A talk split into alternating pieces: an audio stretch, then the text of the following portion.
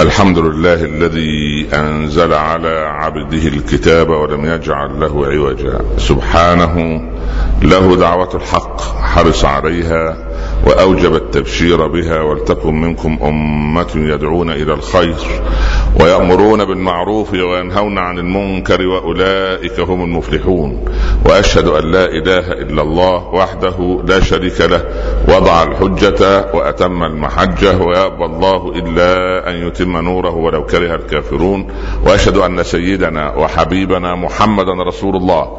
بلغ الرسالة وأدى الأمانة ونصح الأمة وكشف الغمة وجاهد في الله حق جهاده حتى أتاه اليقين. صل اللهم عليه وعلى آله وأصحابه وأزواجه وأتباعه الذين آمنوا ولم يلبسوا إيمانهم بظلم. أولئك لهم الأمن وهم مهتدون. أما بعد. أيها الإخوة المسلمون يتحدث علماؤنا كثيرا عن الداء والدواء. ونتحدث معكم اليوم ومع أنفسنا عسى رب العباد سبحانه أن يجعلنا وإياكم ممن يستمعون القول فيتبعون أحسنه. عن سم الإمساك وترياق الإنفاق. الإمساك في, في, في أن تمسك يدك عن العطاء وتمسك لسانك للأسف عن ذكر الله وتمسك قلبك عن صناعة الخير فيه. هذا سم الإمساك والسم قاتل. ولكن لا علاج لسم الإمساك إلا بترياق الإنفاق.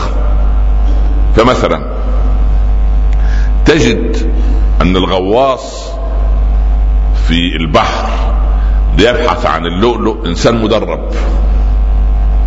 وقضية الغوص قضية أناس يتميزون فيها. لو نزل مع الغواص ولده. البحر واحد واللآلئ واحدة. ولكن الإمكانيات مختلفة. الغواص سوف يهبط ليأتي باللؤلؤ وولده سوف يغرق. فشتان بين هذا الغواص المدرب وهذا الولد الذي لا يجيد الغوص. أيضا عندما ترى أن سم الحية يلدغ الإنسان فيميته. ولكن بعض الناس من أهل العلم يتخذون هذا السم ترياقا للسم نفسه. يعني يأخذ يعمل مركبات مضادة تقاوم هذا السم. لماذا أضرب هذا المثل؟ الدنيا التي نعيش فيها. المؤمن يحياها بحياة الغواص الذي يدرك مخاطر البحر ومخاطر الغرق ومخاطر الدوامات والأمواج. متى يهبط ومتى لا يهبط. متى يحين له أن يأخذ اللؤلؤ ومتى لا يجب عليه أن يقترب من البحر بتاتا. هذا هو المؤمن الذي عندما يتعامل مع الدنيا يتعامل معها بهذا المنطق. ما الذي افعله في الدنيا لأنجو في الآخرة؟ ما الذي أصنعه في الدنيا ليرضى عني رب العباد عز وجل؟ ما الذي يجب أن أصنعه كي يكتب ملك الحسنات أكثر مما يكتب ملك السيئات؟ أما الذي يعيش في الدنيا يستغلها غاية لا تصير عنده وسيلة. عندئذ عنده مشكلة سم الامساك. كيف؟ عندنا زكاة وتزكية. الزكاة معروفة في الإسلام. لا أحد منا إلا هو يعرف أن المبلغ إذا بلغ النصاب وليس عليه دين وحال عليه الحول وجب فيه ربع العشر أو نصف العشر أو العشر أو الخمس وفقا لما ورد في كتب الفقه وبما تسمعون من علمائنا وفقهائنا. اين تذهب هذه إلى مصارف ثمانيه معروفة في كتاب الله عز وجل. من لم يخرجها دخل النار يوم القيامة. مسألة واضحة للجميع. لا تحتاج إلى تفصيل ولا تحتاج إلى تركيز ولا تحتاج إلى شرح ولكن وجب على صاحب المال أن يسأل أهل العلم. هل البناية المؤجرة عليها زكاة؟ ما قيمتها؟ هل المجوهرات المكتنزة في الخزائن عليها زكاة؟ هل بئر البترول أو منجم الذهب كم زكاته؟ كيف نخرج عليه الزكاة؟ الأرض المروية بآلة والمروية بغير آلة من ماء السماء ما نصابها؟ الأسهم التي عندي كيف أخرج؟ كل الناس لا أحد من المسلمين إلا ويعرف هذا الكلام تفصيلا أكثر منا. هذا من ناحية الزكاة. الكارثة والصعب على النفس الإنسانية قضية التزكية أو زكاة الجوارح. الله عز وجل أعطاني وأعطاك نعمة البصر. ما زكاتها؟ لماذا خلقت؟ خلقت العين لكي أسير في دروب الأرض وأتأمل في خلق الله بعين الرحمة وأنظر إلى اليتامى والمساكين والضعفاء والزوجه والأولاد بعين الحب والعطف والحنان وأن أستخدم العينين في النظر في كتاب الله عز وجل. ثم لا أعطلها عن هذا. فإذا عطلت العينين عن أن تنظر في المصحف كل يوم وتتأمل في مخلوقات الله بالتفكر فقد عطلت زكاة العين وأصبح النصاب عندي موجودا ما أخرجت زكاة العينين. اليد. هذه اليد يجب أن يعني أدسها في جيبي وأخرج منها لأعطي المحتاج أو أكتب بها رسالة شفاعة لإنسان مظلوم. قد تكون شفاعتي له وسيلة لنجاته.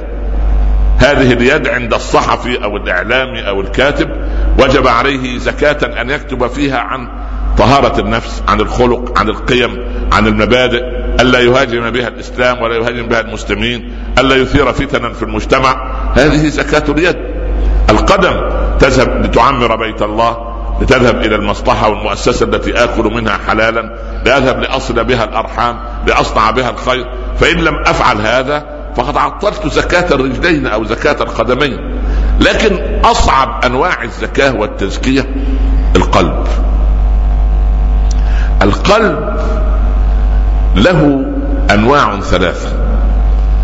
إما كما تعلمون سليم وإما سقيم وإما ميت والعياذ بالله. القلب السليم له زكاة. زكاته أن يستمر على سلامته. وكيف يستمر القلب على سلامته؟ سلامة الفطرة التي نزلت بها أنا وأنت من, من بطون أمهاتنا.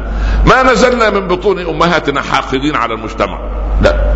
إذا إذا حلل علماء النفس وعلماء التشريع وعلماء الإنسانيات وعلماء الذين يدرسون في نفسية الطفل الذي ولد لتوه لا يعرف لا حقد ولا حسد ولا ضغينة ولا بغضاء ولا عجب ولا كبر. هذه فطرة الله التي فطر الله الناس عليها. ما الذي عود الطفل الإنساني أن يتكبر؟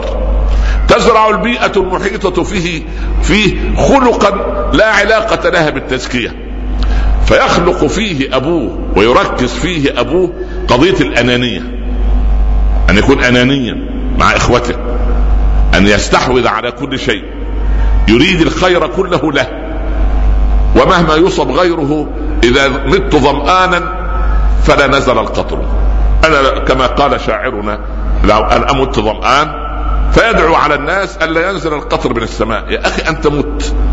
هل أو هل يتشبه هذا بحبيب النجار صاحب ياسين. فوقفوا لما وعظهم وقفوا على بطنه فخرجت أمعاؤه من دبره. مات. أول ما مات قالت الملائكة كما قال ربنا في ياسين قيل ادخل الجنة. ماذا صنع حبيب النجار؟ لأنه كان مزكى القلب قبل موته. بعد أن مات ما تمنى الشر لقومه بعد موته. وكانوا سببا في قتله أو في استشهاده. إنما قال يا ليت قومي يعلمون بما غفر لي ربي وجعلني من المكرمين. يعني اذا كما قال فيه صلى الله عليه وسلم مادحا رحم الله حبيبا النجار وعظ أهله حيا وتمنى لهم الخير ميتا. في ناس عند موتهم يكون حتى في الموت في موتهم خير للناس على على ضربين. الضرب الأول أن يكون فاسقا فاسدا فموته راحة للمجتمع حتى إن مات العبد الطالح. قالت الملائكة مستريح ومستراح منه الحمد لله الذي أراح الله منه البلاد والعباد. لكن فيه ناس لما تموت في موتهم علامة. ولذلك علمنا علماؤنا ونحن صغار قالوا لنا كن مظلوما ينتظر النصر لا ظالما ينتظر المقت. احفظ كن مظلوما ينتصر النصر. أنت مظلوم. الغد إن شاء الله. قال ربنا لك ولي وللكل. لانصرن وعزتي وجلالي لأنصرنك ولو بعد حين. فكن مظلوما ينتظر النصر. لا ظالما ينتظر المقت كما قال الشاب لأمه عندما أراد الحجاج قتله. بكت الأم. لا جريرة للولد انه إنه نصح الحجاج. فلم يعجب الحجاج. قول قول الشاب فأمر بقتله. فبكت أمه وهي ترى ولدها الوحيد يقتل. هكذا يا بني تقتل مظلوما؟ فتبسم الشاب الموصول بالله. يا أماه أتحبين أن أقتل ظالما؟ يعني أقتل مظلوم أم أقتل ظالم؟ تريد أن تعيش مظلوما أم أن تعيش ظالما؟ يا أخي عش مظلوما تنتظر النصر من الله. لا تعش ظالما تنتظر المقت والغضب. وانزال غضب الله والعياذ بالله عليك. اللهم انصرنا على من ظلمنا ولا تجعل مصيبتنا في ديننا يا رب العالمين. اذا في ناس عندما تموت مستريح ومستراح منه. في ناس عند موتهم يكون في حياتهم خيرا وفي مماتهم خيرا. وبعد مماتهم ودي الايه؟ علمت نفس ما قدمت وأخرت. ما هي ما قدمت؟ ما قدمت أنت خطبة الجمعة درس العلم. الصدقه الصلاه هذا ما قدمت. ما أخرت ولد صالح. صدقة جارية علم ينتفع به. سنة حسنة زرعتها في الحياة. هكذا يستمر الثواب متوافدا إليك حتى وأنت في عالم البرزخ. يعني مثال عندما نقرأ للبخاري ومسلم وعندما نقرأ لأبي حنيفة والشافعي ومالك وأحمد عندما نقرأ ابن تيمية وهؤلاء نترحم عليهم. هذا ما قد ما أخرت أعمال هؤلاء الصالحين في الدنيا. فزكوا أنفسهم وقلوبهم فصارت حياتهم نبراسا للناس وصار مماتهم رحمة أيضا للناس. نحن لا نعرف أشكال الصحابة. من منا يعرف أبا ذر؟ هل كان طويلا أم قصيرا؟ نحيفا أم بدينا أبيض أم أسمر؟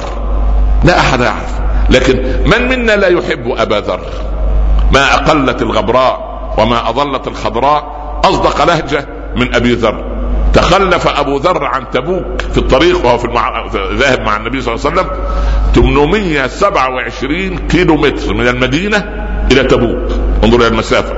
سارها أبو ذر مع من سار على قدميه ومعه سلاحه وإداوته وسيفه وطعامه. وكل هذا سائرا من المدينة إلى تبوك في الصيف. كان في شهر يوليو. كان مثل هذه الأيام في الصحراء صحراء الحجاز. فتهرأت نعلاه. النعلين ذابوا. تمزقت النعلين. فجلس يخصف نعله. ما فيش في الجيش في هذا الوقت سلاح التشهيرات ولا سلاح التعيينات ولا سلاح المهمات ولا سلاح ما فيش. سبحان الله. مكث يخصف نعليه. وأبناؤنا يتأففون إذا عبروا الشارع دون سيارة. وهذا الدلال وترف الدلال مفسد.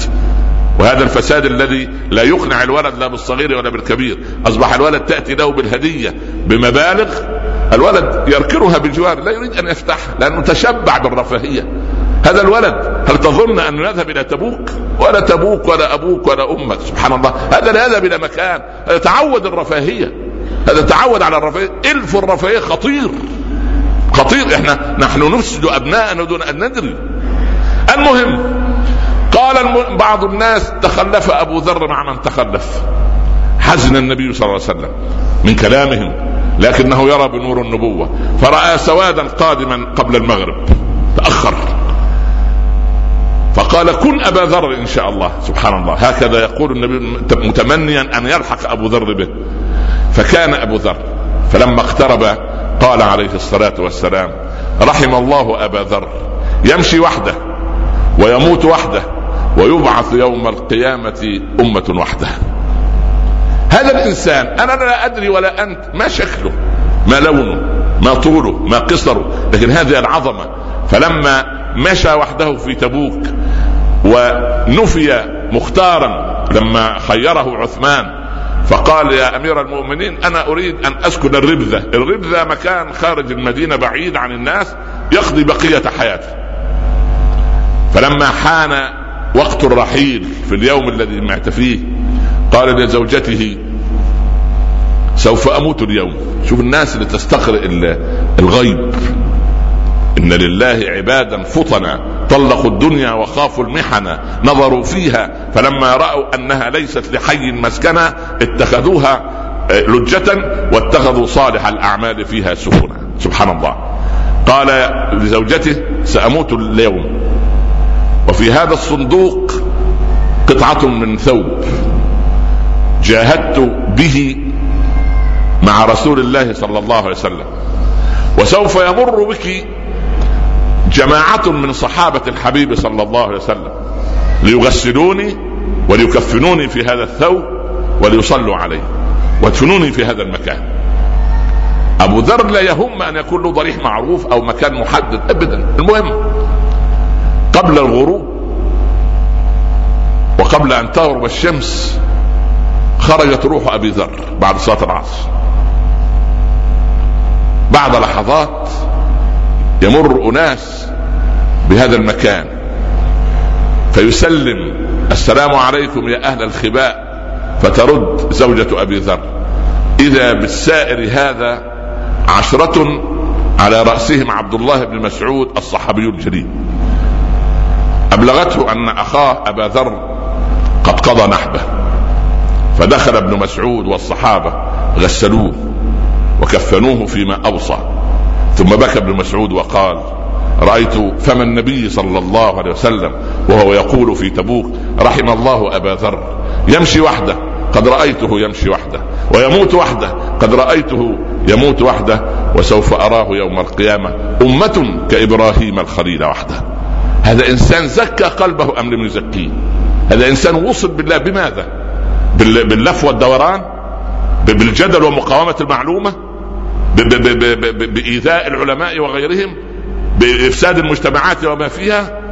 وإنما بتزكية القلب. اللهم زكي نفوسنا وارزقنا تقواها. أنت وليها مولاها يا رب العالمين. أقول قولي هذا وأستغفر الله لي ولكم. أحمد الله رب العالمين وصلاة وسلاما على رسوله صلى الله عليه وسلم. أما بعد أحبتي في الله عد إلى بيتك اليوم وقل أنا قادم على أيام مباركة. ولا يصح أن أقدم على هذه الأيام وقلبي كما هو مليء بالغش فيه بعض من الحقد. بعض من الحسد بعض من الكبر بعض من العجب بعض من الرياء بعض من عدم اليقين في الله بعض من عدم التوكل على الله بعض من الخوف من المستقبل بعض من الخوف على الأولاد. وليخشى الذين لو تركوا من خلفهم ذرية ضعافا خافوا عليهم فليتقوا الله. وليقولوا قولا سديدا الذين يخشون على أولادهم أنت لم تخش على نفسك وأنت في بطن أمك. كنت عبدا لله مخلوقا له. وأولادك من بعدك وفي حياتك ليست لست أنت باب رزقهم ولست أنت رازقهم. إنما رازقهم رب العباد سبحانه. قالت المرأة الصالحة عندما تركها زوجها بيتامى تسعة قالت عهدت زوجي أكالا لا رزاقا فإن ذهب الأكال فقد بقي الرزاق. اللهم ارزقنا طاعتك. اللهم ارزقنا طاعتك ارزقنا حبك وحب من أحبك وحب عمل يقربنا إلى حبك. اجعل لنا أول يومنا هذا صلاحا وأوسطه نجاحا وآخره فلاحا. لا تدع لنا فيه ذنبا إلا غفرته ولا مريضا إلا شفيته ولا عسيرا إلا يسرته ولا كربا إلا أذهبته ولا هما إلا فرجته ولا دينا إلا قضيته ولا ضالا إلا هديته ولا ميتا إلا رحمته ولا حاجة من حوائج الدنيا لك فيها رضا ولنا فيها صلاح. إلا قضيتها ويسرتها يا رب العالمين. ارحمنا فإنك بنا راحم. لا تعذبنا فأنت علينا قادر. اختم لنا منك بخاتمة السعادة أجمعين. اللهم أمن بلاد المسلمين. أمن إخواننا في فلسطين. أمن إخواننا في العراق. أمن إخواننا في كل أرض تعبد فيها يا رب العالمين. واجعل خير أعمالنا خواتمها. وخير أيامنا يوم أن نلقاك. وصلى الله على سيدنا محمد وآله وصحبه وسلم يا رب تسليما كثيرا. بسم الله الرحمن الرحيم والعصر. إن الإنسان لفي خسر إلا الذين آمنوا. وعملوا الصالحات وتواصوا بالحق وتواصوا بالصبر. صدق الله ومن أصدق من الله قيلا. نكمل حديثنا بعد الصلاة إن شاء الله وأقم الصلاة. قوموا إلى صلاتكم يرحمكم الله. أحمد الله رب العالمين وأصلي وأسلم على سيدنا رسول الله صلى الله عليه وسلم. أما بعد. تزكية النفس وتزكية القلب وتزكية الأدب مع الله عز وجل. ما زال بعض من المسلمين لم يدركوا بعد أدب المساجد. المسجد له أدب لأنه بيت الله. تروح ضيف عند حد. أنت مكلف كآداب الضيافة أن تلتزم بشروط صاحب البيت. هل يجوز لك أن تذهب فيستقبلك في مجلسه أو في غرفة استقبال يستقبل فيها الضيوف فتقول لا والله أنا لا أحب أن أجلس إلا في غرفة النوم. ينفع هذا الكلام؟ يقول عليك إيه؟ ها؟ الراجل ده جاي منين؟ صح ولا لا؟ ينفع يعني؟ ما ينفع. لا يجب. يقول لك تفضل الكرسي هذا. لا والله أنا حاب أقعد في الركن اللي هناك. هذا لا يجب. هذا ضيف بذيء قليل الأدب. صح ولا تسميه اسمه كده ولا ولا أنا متطاول شوية في الكلام. هتسميه كده لازم ما تعلمش أدب أبدا. تمام؟ أنت جئت إلى بيت الإتيان إلى الجمعة. ليه يا إخوان؟ إحنا ما زلنا نؤكد. شوف نحن نعطل مسيرة الدعوة إذا وجدنا للأسف أن المسلمين ما زالوا عند نقطة التوقف لا يتحركون. يعني ما زلت ما زلت في ذهني كنت أعطي محاضرة في مكان عام فيه رجال ونساء. وترد امرأة كبيرة السن عدت يمكن السبعين خمسة وسبعين. ولا تلبس لا حجاب ولا غطاء المهم يعني. فبعد ما انتهت المحاضرة أنا أذكر هذا الكلام تماما كان في سنة 92 قلت لي إيه سبب تخلف المسلمين يا شيخ؟ قلت لها كده قلت لها أنت. قلت كانت مسؤولة كبيرة في الدولة. فأنا لها أنا من سنة 72 السنة دي 92 أديني 20 سنة تحجبوا يا نساء تحجبوا يا نساء. عارفة لو أنت سمعت الكلام من 20 سنة كنت كلمت في موضوع تاني غير الحجاب صح ولا لا؟ ده أنت عطلت مسيرة الدعوة. طيب كل جمعتين ثلاثة نتكلم عن أدب المسجد وأدب الجمعة.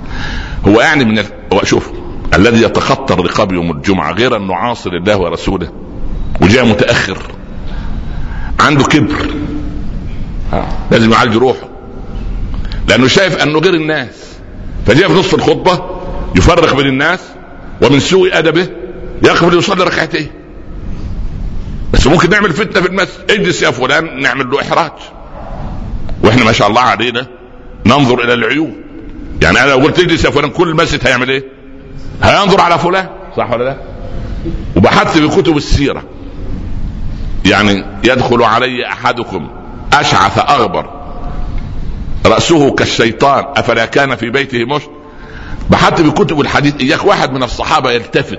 عشان يرى عمن يتكلم رسول الله فلم أجد. يعني الصحابة عملوا إيه؟ لم ينظروا. أنا خايف من الكلمتين دول عشان إيه؟ عشان كنتم هتعملوا إزاي؟ والرجل يتمنى أن تبتلعه الأرض. صح ولا لا؟ فأنا أريد اللي جاي متأخر يصلي حيث وصل يعني وبعدين؟ الأغرب أيضا من الخيال وما زالت وما زلت أكرر. الأخ يؤذن هو يدخل يقف ليستمع للأذان. أول ما يخلص المؤذن ويطلع الإمام على المنبر يبدأ بالحمد يبدأ هو في الصلاة. جابها منين دي برضه؟ من أي فقه؟ من فقهه هو. هذا كبر في في أخذ المعلومة. واحد يقول لك ما هو ثبت أن يا أخي ثبت أن عثمان رضي الله عنه جاء مرة متأخرا ففرق بين اثنين. ثم جلس قال يا عثمان آنيت وآذيت. يعني أنت جاي متأخر وجاي تؤذي الناس. لا ده جاي متأخر ويؤذي الناس. وعايز يتقدم للصف الأول والإخوة قاعدين من الساعة 9 صباحا هو جاي على 12 ونص وخمسة أو واحدة الا ربع في منتصف الخطبة وعايز يتقدم ويصلي ركعتين.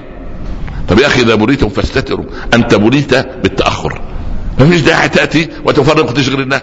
وبالله عليك أنت تصلي منفردا في بيتك مغلق عليك غرفه ولا صوت محيط بك وتسرح في الصلاة. الإمام بيخطب ويتكلم في موضوع مهم. أو زي حالات غير مهم يعني يعتبر هو غير مهم. وما دام بيصلي يبقى غير مهم. بالله عليك أنت مركز مع من؟ الإمام ولا مع القراءة؟ ففي تشويش في استقبال المعلوم أظن أتمنى الا نتكلم في الموضوع مرة أخرى. لأنه إحنا نتكلم في مبادئ. طبعا يعني خلينا نتكلم في داخلين على أيام طيبة وعايزين نزكي أنفسنا. اللهم زك لنا أنفسنا يا رب العالمين. قضية الأدب مع الله ومع عباد الله جاءت في كتاب الله عز وجل كي تبين لنا كيف يكون المسلم. شوف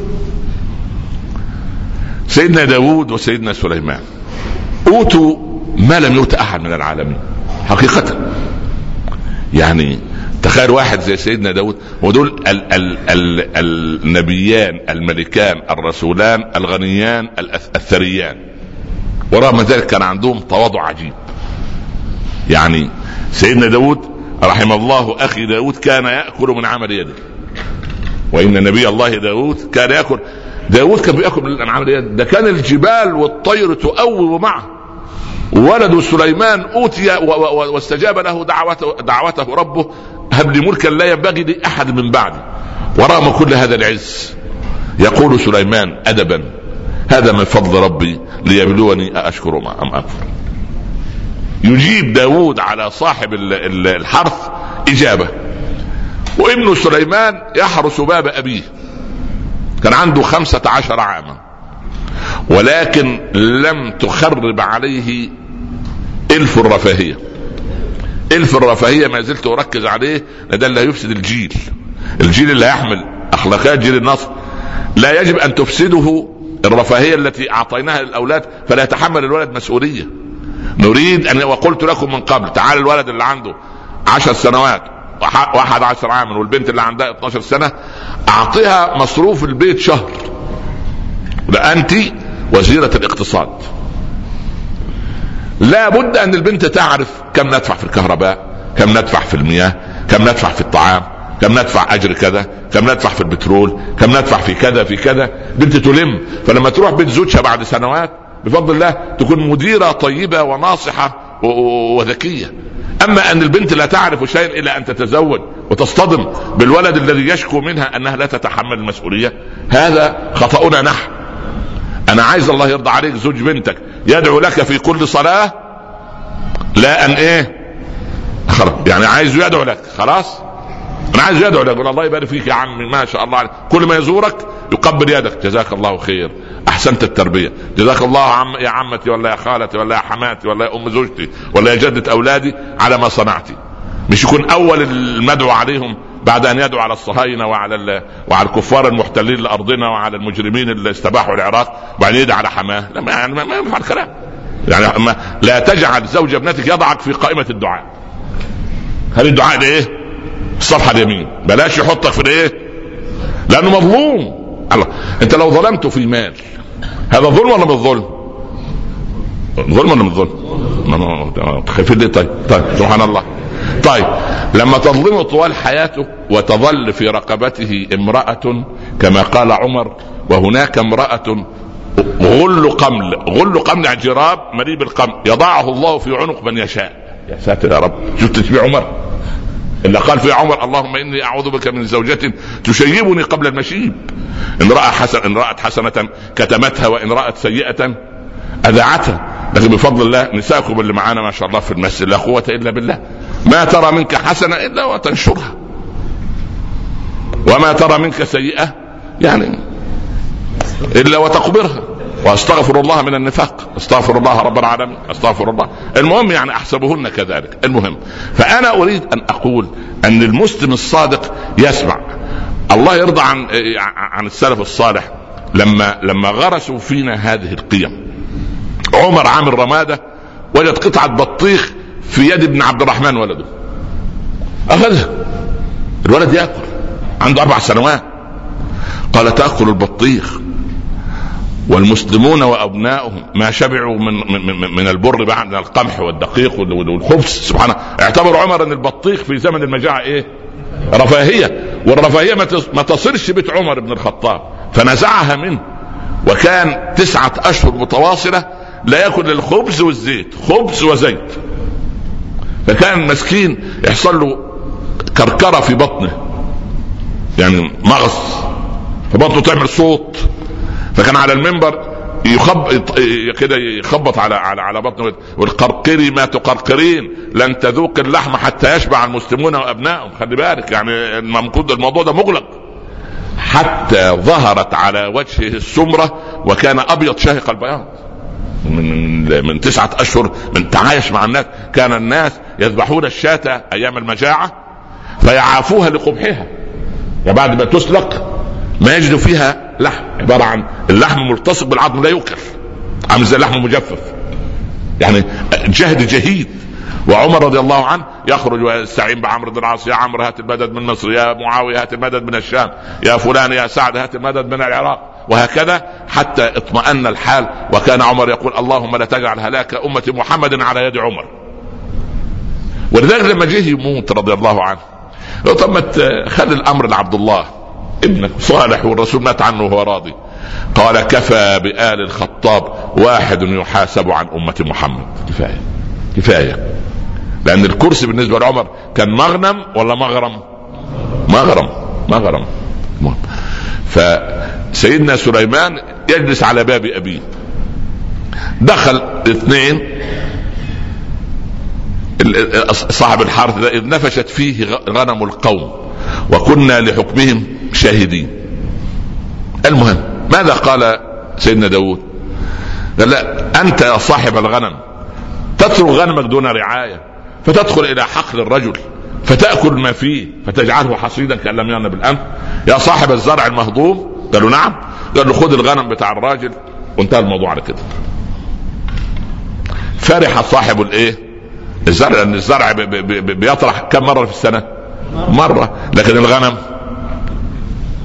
خيرها كثير سيدنا سليمان قاعد على الباب. قال بما حكم لكم أبي؟ حكم لكم بايه فقال حكم لي أن آخذ غنم هذا أمام الزرع المهضوم. فتبسم سليمان وقال لو كان الأمر إليه لقلت لصاحب الزرع خذ الغنم استفد بألبانها إلى أن يتسلم صاحب الغنم أرضك ويزرعها من جديد ويعيدها لك كما كانت. فماذا قال ربنا؟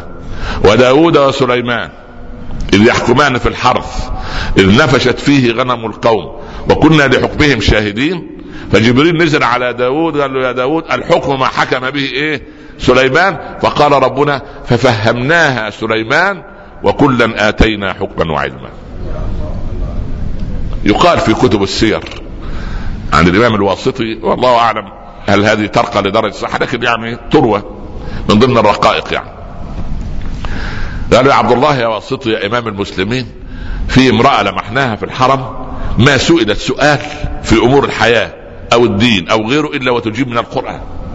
قال يا سلام أشوف الحرمة دي.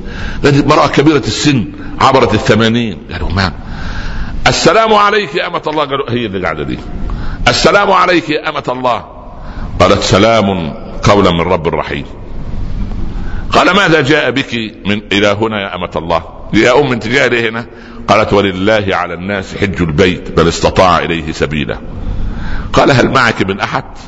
قالت المال والبنون زينة الحياة الدنيا. وأين تقصدين الغد؟ خلاص الحج خلص وانتهى. قالت سبحان الذي أسرى بعبده ليلا من المسجد الحرام إلى المسجد الأقصى الذي باركنا. حوله يبقى منين؟ من القدس من فلسطين. الله يعيد إلينا فلسطين ويامن أهلها يا رب إن شاء الله. وينصرنا على من عادانا بإذن الله. ف قال أما لك أبناء؟ قالت سبحانه يهب لمن يشاء إناثا ويهب لمن يشاء الذكور أو يزوجهم ذكرانا وإناثا ويجعل من يشاء عقيما. قال وما مهنتهم؟ قالت وعلامات وبالنجم هم يهتدون. يبقى هم إيه؟ الأدلاء بتوع الإيه؟ القوم يعني المرشدين السياحيين عشان أولادنا يفهموا ذوي الشعور السوداء. مرشد سياحي ها؟ جايد مان يعني ما يا شيخ علامات وبالنجم هم يهتدون. المهم فقال ما أسماؤهم؟ اسماءهم إيه؟ قالت يا يحيى خذ الكتاب بقوة. يا موسى أقبل ولا تخف. يا داود إنا جعلناك خليفة. فعلم أن أسماءهم كده. قلت يا يحيى يا موسى يا داود فجاء ثلاثة من الشبان كالأقمار ليلة التمام قبلوا يد أمهم ورأسها. فقلت هذه امرأة كلها بركة أنا أعمل إيه؟ أديها الناقة هدية تركبها وترجع إيه؟ إلى بيت المقدس. فانخت لها راحلتي ووقفت مندهشا من أن امرأة في هذه السن لا تجيب إلا بالقرآن. ده إحنا عيالنا ما شاء الله ما يجاوبوش إلا بالأغاني. الله أكبر عليهم. ربنا يهديهم يا رب. المهم فانخت لها راحلتي. ووقفت ناظرا إليها. متعجب امراه كده قالت قل للمؤمنين يغضوا من أبصارهم. ما لك باصص علي سبحان الله ما شاء الله. الله أكبر عليه السنة قبل الماضيه أركب طائرة في بلد عربي والمهم يعني فركبت امرأة كبيرة السن يبدو أول مرة تركب الطائرة. كبيرة تتعكت على رأسها. فجاء الأخ اللي هيركب في الكرسي اللي جنبها فبالعصا قوم قليل الأدب تقعد جنب الحرمة قوم. فلسه كان ابنها لسه ما ما طلع يعني بعد. فالمضيفة تقول لها يا خالتي اقعدي بس هنا. ويقوم الراجل هذا قليل أدب يقعد جنبي. المهم فجاء ابنها فطيب خاطر الإيه؟ الأخ ده. فالأخ ابنها ده بيسلم عليا. قلت خلي بالك والدتك ربنا يعطيها الصحة تخشى على نفسها الفتنة. الدنيا مليانة بلاوي يعني سبحان الله لازم برضه يعني الله يكرمك. اخ اخ عالم فاضل جليل من من الزملاء الاعزاء من شهرين كده على الفضائية الاخت واحدة بتتصل بي تقول يا فضيلة الشيخ جدتي وكبرت في السن ولا تستطيع أن تصلي لا جالسة تعبانة خالص. والله تذهب إلى أعزك الله دورة المياه على أيديها وركبتيها يعني على أربع ما تحبش حد يعينها مش على أربع كده تزحف كده على هل جدتي هذه يا مولانا تعتبر أنها من القواعد؟ قال يا بنت جدتك من الزواحف. سبحان الله. قواعد يا بنت تسعف ربنا. الله يبارك يا رب. ف أنا لا أحب تقطيب الجبين. لا ابو وجه مقطب. كنت في مكان أول أمس يعني خارج الدولة يعني اعطي محاضرة.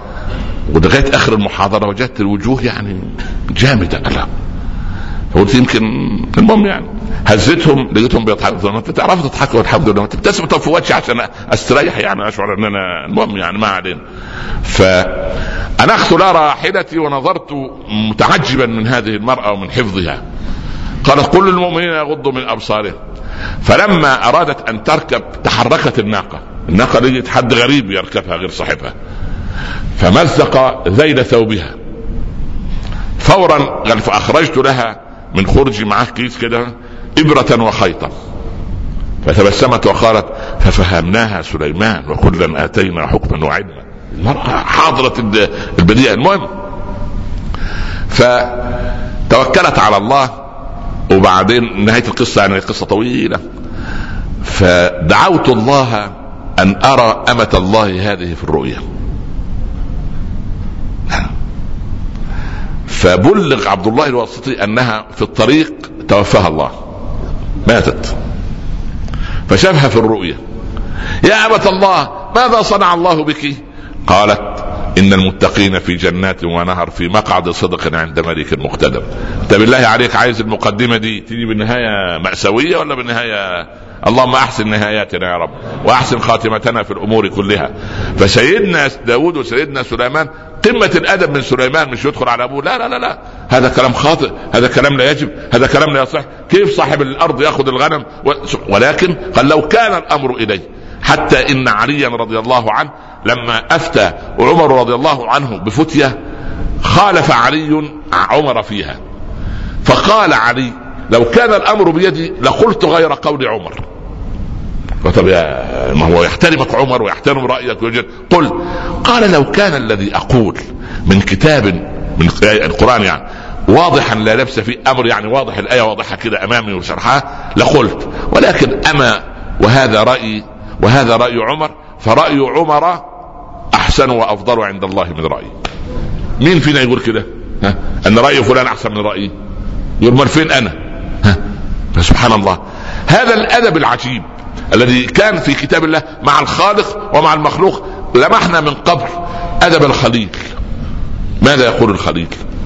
الذي خلقني فهو يهديني والذي هو يطعمني ويسقيني. ها؟ وبعدين؟ وإذا مرضت؟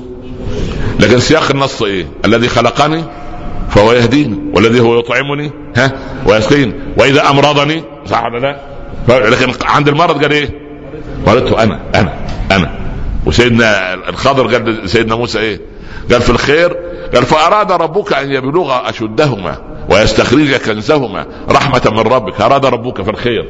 جه في عيب السفينة قال إيه؟ فأردت أن أعيبها. يبقى العيب ما يقولش فأراد ربك أن يعيبها؟ لا.